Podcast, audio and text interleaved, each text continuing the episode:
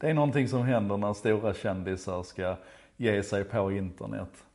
Eller så här, vad har Zlatan Ibrahimovic och Taylor Swift gemensamt? Jo, den här idén om att deras storhet är så stor så att de eh, måste ha en egen app och måste så lite eh, exklusivt äga sin egen kanal från början till slut.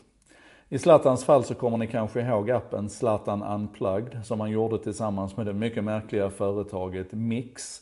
Och eh, eh, United Influencers var ju också inblandat i det här. Och man lanserade det här med, med buller och brak och Zlatan slutade i princip ge intervjuer till traditionella medier och slutade uppdatera Facebook och Instagram och Twitter och sånt för att han, allting skulle gå via den appen som då var en en, eh, en, speciell tjänst som man äh, skulle prenumerera på allting Zlatan i och sådär. Och nu ska vi se här, det här la man ner, ska vi se, hösten 2013 kickade man igång det och sen så blev det mindre och mindre aktiviteter där och det blev mer och mer pinsamt och eh, artikeln om nedstängningen är från februari 2017. Då fimpade Zlatan det. Och nu då, nu då, så kickar Taylor Swift igång någonting som heter The Swift Life. Som hon gör tillsammans med Glue Mobile som också är ett sånt här konstigt företag. Det är många konstiga företag här som hittar på. Och då är liksom poängen här att du ska, du ska tanka hem den här appen och du ska använda den för att bara följa Taylor Swift. Och eh, hon ska väl förmodligen då så exklusivt också lyfta in en massa material där.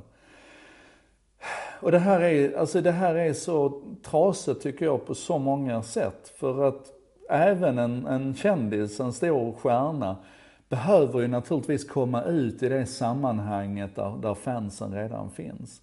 Det är lite grann som den här diskussionen om de, de digitala ekosystemen där alla företag som ger sig in i det här vill vara centrum i det här ekosystemet. Volvo vill äga din identitet för de tycker att hej, vi har ju din bilnyckel liksom som någon slags nyckel så här.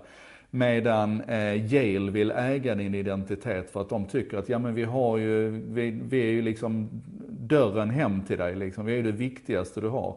Och så vill banken äga din identitet för hej, pengar är ju centralt. Och så vill Apple äga din identitet och Google vill, och så här. Alla vill naturligtvis vara centrum i det här systemet och äga din identitet. Men det man behöver göra och jobba på det är ju att se till att man är oundgänglig och, och absolut nödvändig även om du är en kantspelare i det här ekosystemet. Så att det är klart att du kan ha en plan B som bygger på att Taylor Swift ska vara liksom alltings mittpunkt.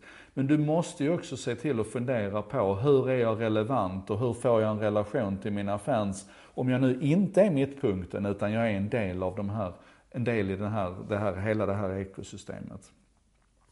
Och det här är, det här är så lätt tror jag att man trillar fel i det här tankesättet för att du, du utgår ju från din, din, din egen lilla värld. Va? Och, och, även om du heter Zlatan eller Taylor Swift eller, eller är världens största låsföretag som jag tror Yale fortfarande är.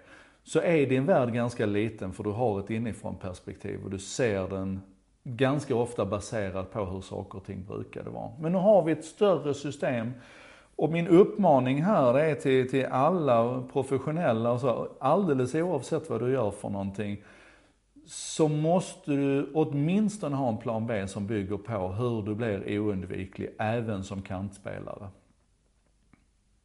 Och jag tror att Taylor Swift kommer upptäcka det också.